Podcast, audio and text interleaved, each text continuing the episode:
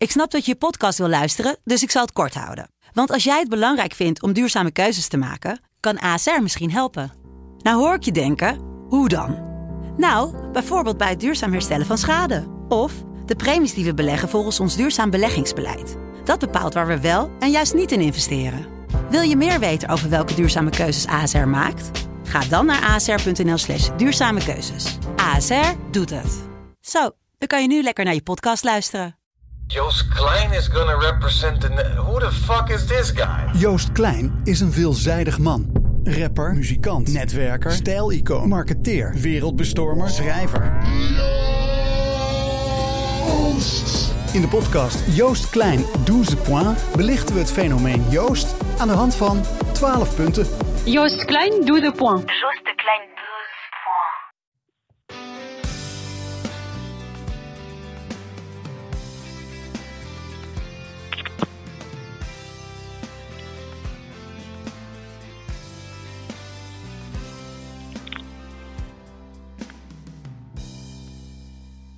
We zijn weer terug bij af. Lege voetbalstadions. Vandaag valt de definitieve beslissing van het kabinet, maar alles wijst erop dat het voetbal voorlopig weer zonder publiek wordt gespeeld. Wij laten er ons in ieder geval niet door uit het veld slaan met een nieuwe aflevering van Omroep Abe. Mijn naam is Sander de Vries en ik bespreek het wel en wee van SCRV met niemand minder dan Geert Arend Roorda. Geert, hoe is de verbinding? Ja, een verbinding. Ja, Ja, het is, eh, het is, eh, het is wel eens beter geweest, eh, Sander, eerlijk gezegd. man, man, man. Ja, we zijn... eh, Hè? Zit even tegen. voor- de miljoenen luisteraars, we zijn echt al eh, anderhalf uur bezig om, eh, om een goede verbinding tot stand te brengen, maar het lukt me niet. Nee, dat is, dat is krankzinnig. Maar er is wereldwijd een, een grote storing gaande. Dus ja, we hebben op zich ook wel weer... het is wel uit te leggen. Klopt. En je weet wat ze zeggen. Winnaars hebben een plan, verliezers een excuus. Precies, precies. Dus we gaan, we gaan, we gaan onverstoorbaar verder, eh, Geert. Voor deze keer eventjes Ja, mooi telefonisch. Volgende week eh, met, eh, met de geluidskwaliteit zoals, zoals die hoort. Ehm, om meteen af te trappen, Geert, die, die lege stadions. Ja, wat is jouw reactie daarop? Ja, dat is zo vervelend, toch? We zijn weer helemaal, we zijn helemaal weer gewend aan, het, aan de volle stadions. En ik, ik heb ook het gevoel dat de stadions voller zijn dan dat ze voor corona waren. Hè, dat we het eigenlijk weer eh, gingen waarderen, dat we weer naar, de, naar het voetbal konden. Mhm. Alleen, eh, ja, dat is wel even een eh, klap in het gezicht hoor. Zeker, nou ja, sowieso voor de ambiance, maar ook, ook financieel als je het zo leest voor, voor clubs. Absoluut. Ja, ik, ik, het lijkt een beetje op symboolpolitiek. Ik kan me die woede bij die clubs dan ook wel eh, voorstellen. Ehm, omgekeerd is het natuurlijk Ja, ook zo dat het voetbal in algemene zin geen al te beste beurt heeft gemaakt de voorbije weken. Met al dat eh, gegooi met bier en vuurwerk, de rellen van NEC tegen Vitesse. Ja, Nee, meespelen? Daar ben ik. eh, ja, dat ongetwijfeld speelt het mee. Maar ik denk inderdaad, wat jij ook terecht zegt, symboolpolitiek, daar lijkt het wel op van. Ja, we gaan, iedereen moet weer binnen, maximaal vier personen thuis. En nou, ik, er zijn weer hele andere maatregelen dan wat ik gewend was. Dus ik moet er ook even.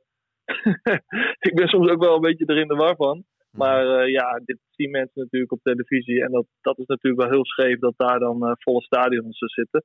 Al is het eh, feitelijk niet uit te leggen.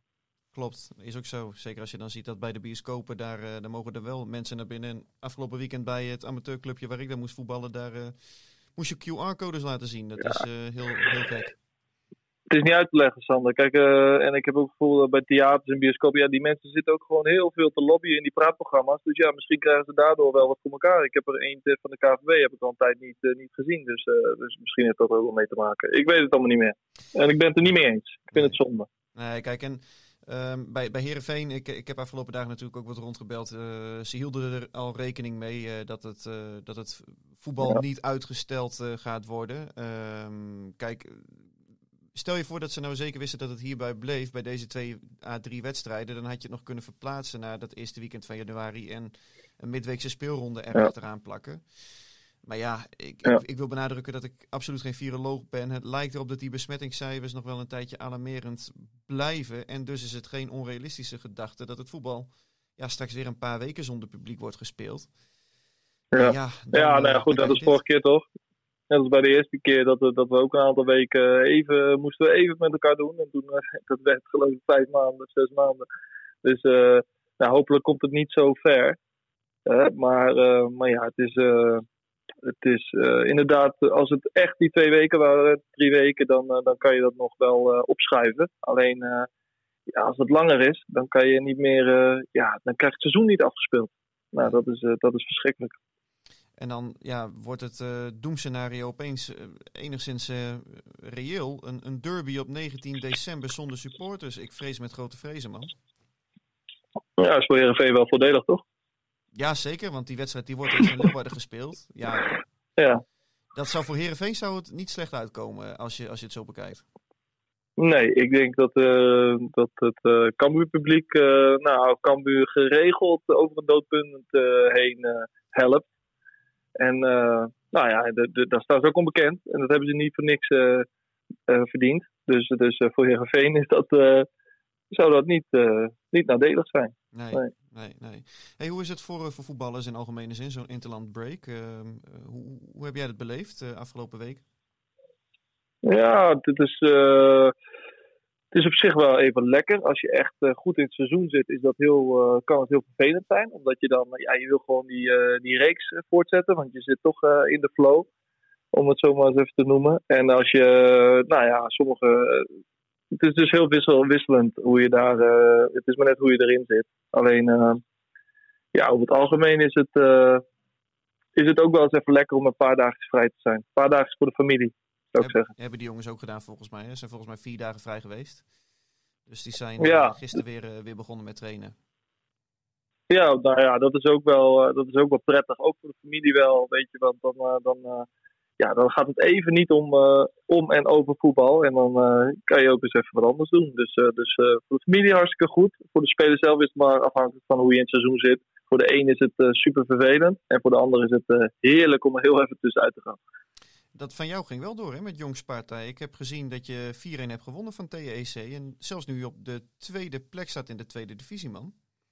Ja, ik vind het leuk dat je het benoemt. Want normaal benoem je alleen eh, de wedstrijden wanneer we verloren. Ja, ik hou je Dus in de eh, gaten. daar word ik, heel, daar word ik heel blij van, eh Sander. Nee, klopt. We hebben een uitstekende wedstrijd gespeeld. En ja, wij hebben geen rekening te houden met internationals. Al hebben, er, hebben wij er wel een paar. Mhm. Die dan met de jeugd, jeugdteams weg zijn. Maar dat kunnen we, konden we blijkbaar goed opvangen. En, eh, en hebben we goede wedstrijd gespeeld, ja. Mooi man. Hey, we gaan eventjes naar een eh, klein rubriekje. Momentje. Want ik heb namelijk een paar eh, luisteraarsvragen binnen. Ik had een oproepje geplaatst op Twitter. En dat gaan we ja, nu, nu wekelijks doen. Het lijkt me erg leuk om op die manier ook de interactie met de supporters van SC Heerenveen te hebben. Ehm, Zeker. Ik had onder andere een, een vraag binnen van Frank van Tulden. En eh, ja, die sluit wel mooi aan op, eh, op waar we het net over hadden met jou met, eh, met Jong Sparta. En zijn vraag was namelijk: Stapt Jong Heerenveen nog ooit in de voetbalpyramide? En toen dacht ik: Verrek, dat is een goede vraag. Ik heb dat voorbije jaren natuurlijk wel gevolgd, maar dit dossier is eigenlijk een beetje van mijn radar verdwenen. Dus ik heb afgelopen middag Ferry de Haan, de technisch manager, gebeld om te vragen hoe Ja. die vlaggen nu, nu bijhangt. En eh Ferry de Haan die zei dat op dit moment is dat eh, ja, simpelweg niet aan de orde. Eh Heerenveen heeft deze keuze een paar jaar geleden gemaakt om niet in die piramide te stappen. Toen was Ferry de Haan er nog niet. Maar hij zei, ik sta wel achter deze keuze. En hij beargumenteerde ook dat er nu natuurlijk een onder 21 competitie in het leven is geroepen. Waardoor Jong Heerenveen ook daar op een goed niveau kan spelen. En zijn letterlijke woorden waren, de noodzaak is er op dit moment niet zo om toe te treden tot die piramide. En ja, wat natuurlijk ook meespeelt, eh, vroeg ik hem en dat beaamde hij, de geldkwestie. Eh, want je moet een volledig eh, volwaardige selectie en een staf optuigen. Nou ja, dat, dat kost geld. Mhm. Ja, Ja. snap jij deze motivatie? Ja, voor Ferry is het natuurlijk niet helemaal eerlijk, want hij is daar niet verantwoordelijk voor geweest. En hij, wist ook niet, hij weet ook niet hoe het er toen voor stond, denk ik. Ehm, kijk, ik denk wel, kijk, ik kan heel goed eh, spreken over de situatie bij Sparta en over de situatie hoe die is, Exact. doordat we in de piramide zijn gestapt. Eh, eh, voor die jongens, voor die jonge spelers die wij hebben, is er geen betere weerstand dan de tweede divisie op dit moment. En dat is, nou ja, eh, dus dat, wij zijn daar heel erg blij mee. Want jongens gaan nu leren echt eh, tegen volwassen mannen te voetballen. Waar ze straks ook in terechtkomen als het goed is. En waarbij dit gaat om, eh, nou ja, de prestatiedruk is gewoon ook aanwezig. Zodat je er gewoon wel kan, kan degraderen. Want je speelt Dus, ook tegen echt de top amateurclubs, hè? Rijnsburgse Boys, IJsselmeervogels, Ja. Spakenburg, dat soort, dat soort clubs. Ja, de allerbeste, hè? Katwijk, AFC. Dus dat zijn echt voor deze spelers is deze weerstand ja, in mijn optiek de allerbeste. Eh, als je kijkt naar de onder 21 competities, dan zie je veel eh, nou, nog jongere spelers. Wij hebben onder 23, dus Ja. die spelers zijn nog wat jonger. Eh, dus het is echt nog wel een stuk jeugdvoetbal, vind ik. En eh, nou ja, het probleem is dat er ook de eerste elftallen zijn vaak gevuld met hele jonge spelers. Dus heel veel jongens die in de onder 21 nog kunnen spelen, die spelen ook al bij het eerste of zitten op de bank. Ja. Dus ja, het is natuurlijk krankzinnig dat die, dat die competitie van onder 21 ook op zaterdag wordt gespeeld. Terwijl ehm, de eredivisie op zaterdag en op zondag wordt gespeeld eh, meestal. Nou, dus die spelers die dan bij het eerste zitten, die komen dan niet eens aan hun wedstrijdminuten bij het, bij het jongteam. Ja, ik, ik, moet, ik moet eerlijk zeggen dat ik dat echt, eh, echt eh, wel kwalijk vind. Omdat je, ja, die spelers die bij het eerste elftal zitten, die eigenlijk je grote talenten, maar nog net niet goed genoeg zijn voor het eerste in de basis of veel minuten te maken, Ja. ja, die betalen de hoogste rekening. Want die komen nooit echt aan voetballen toe. Nee. Alleen in, in eh schamele oefenwedstrijdjes. Exact, want die dat zitten is, dan wel eh, op de bank bij het eerste elftal. Maar die voetballen dan niet eh, onder weerstand eerder die dag nou ja, tegen de top amateurclubs of, of andere topbelofte teams zoals jij die nu, nu, nu schetst. Ja, precies. Dus die maandag, eh, eh, dus die maandagavond wat voorheen was, nou, dat was nog niet zo gek. eh daar was ook over nagedacht dus, vroeger. Ja, ja zeker. Nou, dat is achteraf gezien wel de, de win-win situatie. Mhm. Nee, helder. Maar dat, is, dat vind ik kwalijk. Ja. Hey, andere vraag. Die stelde eh Roy Scheerlings. eh, die, die vroeg of ze in de, en met ze bedoelt hij dan Heerenveen in de winterstop Congolo en Drezefiets hoe dan ook moeten verkopen om in ieder geval er iets voor terug te krijgen. Ehm, spelers die er direct staan, zoals bijvoorbeeld een nieuwe spits, of dat ze dan willen investeren in talentvolle spelers, zodat ze een half jaar kunnen acclimatiseren. Nou ja, dat verhaal is in principe ehm, al eventjes bekend. Heerenveen heeft een potje met geld. Eh, dat hadden ze afgelopen zomer ook al. Daarvan willen ze gewoon per se die nieuwe spits halen in eh, de winterstop. Die de concurrentiestrijd met, eh, met Henk Veerman en in iets mindere mate Siem de Jong eh, moet aangaan. En Ja. ja, er is dus niet echt de noodzaak om Congolo en Drezefiets hoe dan ook te verkopen. Dat, die, die spits willen ze hoe dan ook halen. Maar daar hoeven niet echt Ja. spelers voor te gaan vertrekken. Ik sluit niet uit ehm, dat als er een club komt voor deze jongens, dat ze willen meewerken. Wat denk jij? Ja, lijkt me wel. Als je in je laatste eh, contractjaar zit, laatste half jaar. Kijk, het zijn ook niet de spelers die eh, absoluut onmisbaar zijn, denk ik. Ze zijn goed op te vangen met het huidige spelersmateriaal wat je hebt.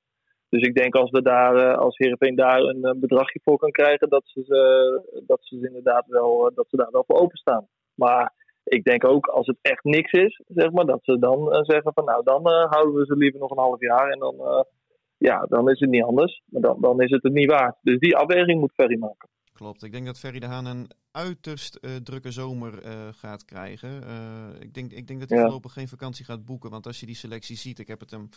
Ik heb er even bij gepakt. Maar jongens zoals Mulder, Woudenberg, nou, Drezefiets en Congolo dus. Allemaal aflopend Ja. contract. Ik denk eerlijk gezegd dat die stuk voor stuk volgend zomer, volgend seizoen niet meer bij SCRV voetballen. Want dat zijn ook niet de goedkoopste jongens in het, in het salarishuis. Ja, en dan Nee. heb je nog eh, heel veel, heel veel eh, wat jongens die gehuurd zijn, zoals de Nigrens van deze wereld, eh Moesaba. Ja, dat Ja. gaat echt, echt veel veranderen, man. Nou, zeker. Maar dat is toch ook, dat is toch ook denk ik, heel erg, ergens ook heel erg prettig voor Ferry. Dat, hij- dat hij gewoon nu ook zijn, eh, ehm, Stempel kan drukken op deze. zijn sausje, ja, of zijn stempel, zijn stempel eh, op deze selectie kan drukken uiteindelijk. En dat, daarvoor is hij wel gekomen. Door ook het beleid, het selectiebeleid te voeren. En eh, dat ook naar eh, zijn wens. Hè, in overleg met dan de trainer en, en de rest van het bestuur. Maar wel dat hij zijn stempel mag drukken op deze selectie. Nou, dat, dus voor hem is- wordt het heel druk. Maar ik denk ook super uitdagend. En ik denk ook dat dat eh, een van de redenen is waarom die is gekomen. Vraag in het verlengde daarvan van, van Patrick Keizer. Wordt er niet te veel aan de korte termijn gedacht gezien de waarde op het veld? En hij doelt dan op de leeftijd, de contractduur en de huurspelers. Wat vind jij? Ja, lastig. Kijk, huurspelers vind ik korte termijn. Omdat je, eh, ja, daar heb je in, in principe niet zo heel veel aan. Of je moet dan weer hè, constructies bedenken in het contract. Waarbij als die dan ooit verkocht wordt, dat je dan weer een percentage of wat dan ook eh, gaat, gaat krijgen. Ja. Ehm, als je het hebt over contractduren, ja, dat is, niet, dat is van deze tijd. Vroeger, vroeger en dat, dat, ja, dat, vind ik al raar om te zeggen, maar in de tijd dat wij nog, eh, dat wij nog bij Heerenveen speelden, tekende je altijd gewoon eh, vier jaar. Mhm. Of vijf jaar, of, of eh, zeker drieënhalf als je in de winter ging tekenen. Maar dat is, dat is niet meer. Die, die termijnen zijn veel korter gemaakt. Dus je hebt altijd tweejarige contracten met een optie voor een derde. Of, eh, ja, de- dat zijn de contracten van deze tijd. En, en eh, nou ja, dat, dus dat is ook wel een beetje de, de hype zoals het nu gaat. Dus ja, ik de- weet niet of de, je. de realiteit eigenlijk ook, hè? Zoals een jongen Spelers willen ook vaak niet langer tekenen. Nee, maar bijvoorbeeld ook een jongen zoals, zoals Moussaba, die speelt er nu op huurbasis van AS Monaco. Ehm, laten we zeggen, acht tot tien jaar geleden waren dat jongens die Herenveen zelf gewoon tamelijk makkelijk kon oppikken van een club als NEC door een transferbedrag van, van 2 miljoen misschien wel te betalen. Ja, dat, eh, Ja, dat zit er nu niet meer in. Ja. Dus kom je automatisch bij dit soort constructies uit. Of je moet eh, er genoegen mee nemen dat je jongens echt de tijd gaat, ge- eh, gaat, gaat gunnen om zich te ontwikkelen en op die manier waarde te creëren. Ja, ja nou, dat klopt. Dat is ook eh het een of het ander. En eh, het is inderdaad niet meer zo makkelijk om, eh, om spelers op te pikken van, van andere clubs, wat nu concurrenten zijn geworden. Wat heeft jouw voorkeur? Zou je dan pas op de plaats moeten maken en zoiets hebben van... Oké, wij gaan dit echt als niet één overbruggingsjaar zien, maar misschien wel twee, misschien zelfs wel drie. Om opnieuw proberen die waarde te creëren? Of eh, ga je dan met, ja, liever met, met huurlingen in zee die directer wat die absolute kwaliteiten eh, eh, met zich meebrengen? Ja, als ik naar Herenveen kijk, dus, dan heb je nogal wat goed te maken. Hè? Als je kijkt naar wat de afgelopen jaren allemaal is gebeurd. En dan heb ik het over alle geledingen. Dus zowel bestuurlijk als in de technische staf als in de, op het veld. Maar dus ja, ik zou dan kiezen als je nieuw beleid maakt met een nieuwe technisch directeur. Ja, dan zou ik eerder gaan voor de, voor de langere termijnvisie. Met eh, vooral het intensiveren van de, van de jeugdopleiding. Om daar uniek in te zijn. En dan kan je in het noorden eh, als enige club eh, de, de- het verschil wel maken. En dan, dan, dan, wordt, dan wordt Heerenveen weer een interessante opleidingsclub. Ja. Of, eh, ja, dus ik zou zeker eh, kiezen voor de, voor de langere termijn visie. Alleen één ding moet je voor zorgen. Kijk, of je nou twaalfde wordt of dertiende wordt, of, of veertiende wordt, of een keer elfde wordt, ja, dat, dat maakt niet het verschil. Zeg maar. Het is of Europees voetbal of geen Europees voetbal. Daar zit de financiële winst volgens mij. En, en eh, nou, dat ga je nu gewoon niet halen. En ook niet met spelers die je gaat, eh, gaat huren van, van, van Monaco eentje. Of eentje uit Scandinavië. Dat Mhm. geloof ik niet. Nee, nee. Dit is een, een, een interessante van, van Albert Veen, eh, Geert Arend. Eh, die eh, hoorde begin deze week Sander van der Heijden bij de collega's van Omroep Friesland. Bijzonder mooi verhaal had hij te vertellen trouwens. Ehm ging Ja. over tactiek, over een middenveld met de punt naar achteren. En het verhaal van Sander van der Heijden was eigenlijk dat je zoveel mogelijk via de as wilt voetballen, zeker in je opbouw. En dan is dus de driehoek van de twee centrale verdedigers en de eh, defensieve middenvelder, die is daarvoor cruciaal. Ehm, Ja, hij zei kan. van, Ja. als je nou met twee defensieve middenvelders eh, eh, speelt, hè, dus met de, met de punt naar voren, dan heb je ook meteen twee tegenstanders staan. En dan wordt het dus druk in die centrale as. Dus hij opteert voor een eenkoppige eh, eh, zes, zullen we maar zeggen. Hè, dus eh, de, de punt Ja. achteren. Ehm, ja, hoe sta jij hierin? Is dit ook niet de ideale formatie voor Herenveen met een Joey Veerman of een Nicolas Madsen die daar kunnen spelen? Ja, ik denk dat, je het, dat, je het, dat, je, dat we te kort tijd hebben om dit uit te leggen. Omdat het, eh, ja, dit vergt nogal wat, ja, wat hoe noem je dat?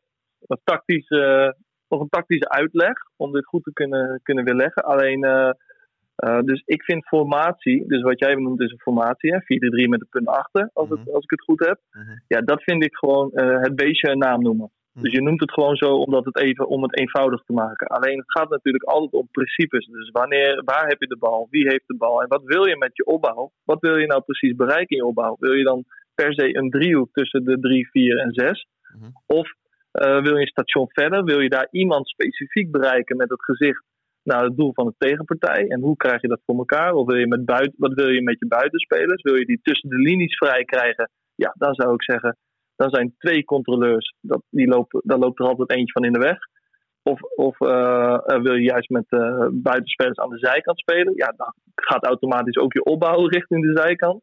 Ehm, dus ja, het is, maar net even de, het is maar net de vraag wat je precies wil bereiken in je opbouw. Dat is het allerbelangrijkste. Die vraag moet je jezelf stellen. En daar ga je een speelwijze aan, eh, aan ophangen. Of een manier van opbouwen.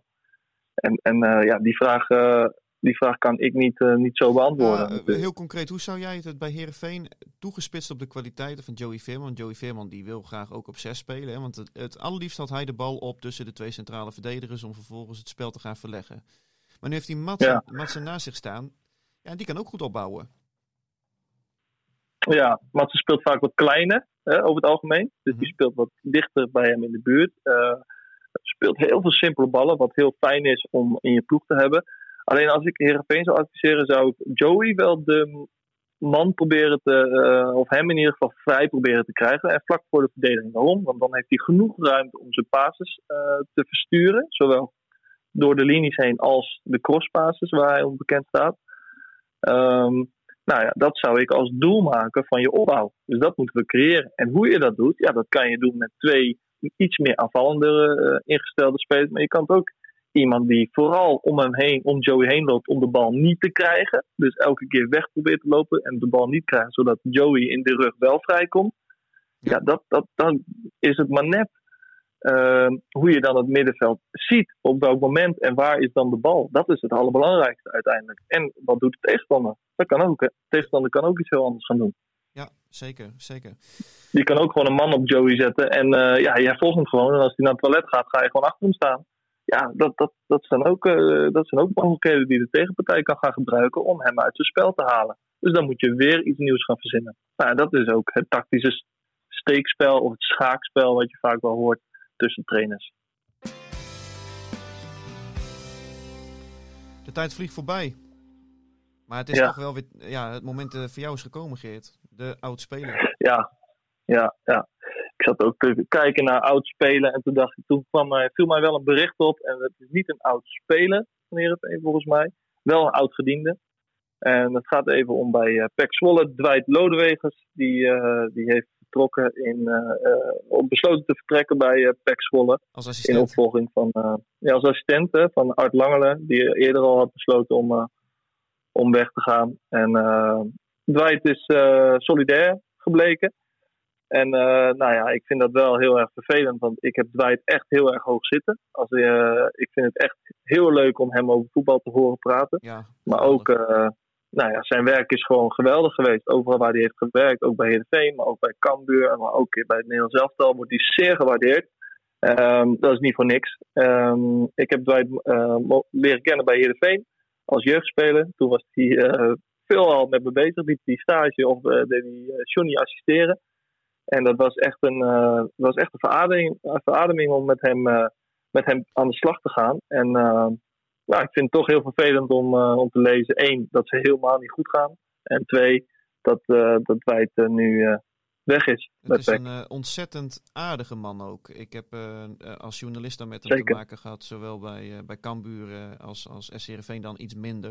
Maar ik heb een keer voor de voetbaltrainer een heel groot verhaal met hem gemaakt van acht pagina's of zo, waarin het helemaal ging over zijn tactiek. En wat ik heel leuk vond, kijk, je hebt natuurlijk trainers die, die, die maken het voor een betrekkelijke leek als ik heel moeilijk met allemaal looplijnen en, en, en ingewikkelde paaslijnen en, en noem het maar op. Dat je echt denkt van oké, dit is Ja. hogere wiskunde. Maar bij Dwight, alles wat hij zei, dat begreep ik precies.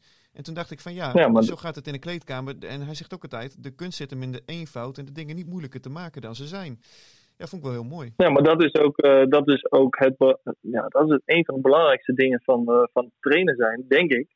Dat, je, dat spelers je wel volgen en ook uiteindelijk begrijpen wat je van ze verwacht. En wat ze, wat ze moeten doen in bepaalde situaties. En dat, zelf als trainer kan je het allemaal wel uitleggen. Want ja, je hebt het ook bedacht als het goed is. Dus ja, maar het gaat erom Hoe dat je het spelers begrijpen, begrijpelijk kan maken. Maar ook journalisten, want dan hou je ook journalisten. Wat, eh, die kijken toch anders naar zijn manier van spelen. Absoluut. Of eh, die beoordelen toch hem anders als trainer. Net even wat meer geduld. Ja, ik weet waar hij mee aan de slag is. Dus ik weet waar ik rekening mee kan houden. Of waarom het mis is gegaan. Ja, dat is, eh, dat is natuurlijk wel, eh, een grote kwaliteit van Dwight. En het is echt een hele aardige, eh, lieve Ja, man. Echt een En ongelooflijk gepassioneerd als het gaat om, om voetballen. Nou, dat vind ik, eh, dat vind ik gewoon mooi. En, en ook geestelijk, eh, geestelijk ik, weet- ik weet niet financieel, maar in ieder geval geestelijk onafhankelijk. Hè? Want eh, dat, dat zie je hier, hieraan ook. En bij Herenveen vertrok hij toen ook omdat hij niet op zijn, zijn, zijn plek ook zat. Het ging toen sportief ging het ook Ja. niet goed. Maar hij, ja, hij vond het ook niet, niet, niet leuk meer op een gegeven moment. En dan, dan is het ook heel simpel. Dan, dan vertrekt hij. En ja, bij Cambuur maakte hij ook een nogal onconventionele keuze door over te stappen naar Herenveen. Het werd hem in Leeuwarden niet in dank afgenomen. Ja. Daar eh, noemden ze Ik denk dat hij dat onderschat heeft, Sander, denk jij? Ja, dat klopt. Eh, hij, ja, eh, dat, dat weet ik eigenlijk wel zeker. Ehm, Maar goed, ja, het is, het is ik denk als hij het over mocht doen, dat hij dat niet zo zou doen. Dat denk ik ook. Dat denk ik ook. Dat denk ik ook. Hij, hij, hij doet me ja, eigenlijk qua karakter ook wel een beetje denken aan zo'n Hans Westerhof, weet je wel? Die, Ja. Ja, ken ik iets minder goed, eerlijk gezegd. Maar wel ook een hele rustige uitstraling en rustige man. Vakman. Maar wel heel goed wetende waar hij het over heeft. En dat is wel, eh, ja, dat, dan, dan hang je aan iemands eh, lippen. Hè? Dat, vind je, dat vind ik als, als, eh, als trainer, maar ook als speler of als voetballiefhebber, vind ik gewoon mooi om mensen gepassioneerd over hun vak te horen praten. En ook nog waarbij je ja, het begrijpt en uiteindelijk ook denkt: hé, maar daar kan ik wel wat mee. Of daar leer ik wel wat van. Dat is, Is ook zo. dat is mooi. Ja. Ehm, komend weekend Willem 2 in een leeg Abelense stadion. We zijn er volgende week woensdagochtend weer. Hopelijk dan met eh, eh, uitstekende geluidskwaliteit om terug te blikken op die wedstrijd. Geert, ik ga je bedanken, man. Geen dank. Ik vond het weer een, een leuke podcast. Ik heb weer genoten. Dus we, gaan, we gaan weer verder volgende keer. Maar dan met goed geluid en goede verbinding. Gaan we doen, man. Hey, tot snel. Oké, Sander. Hoi hoi.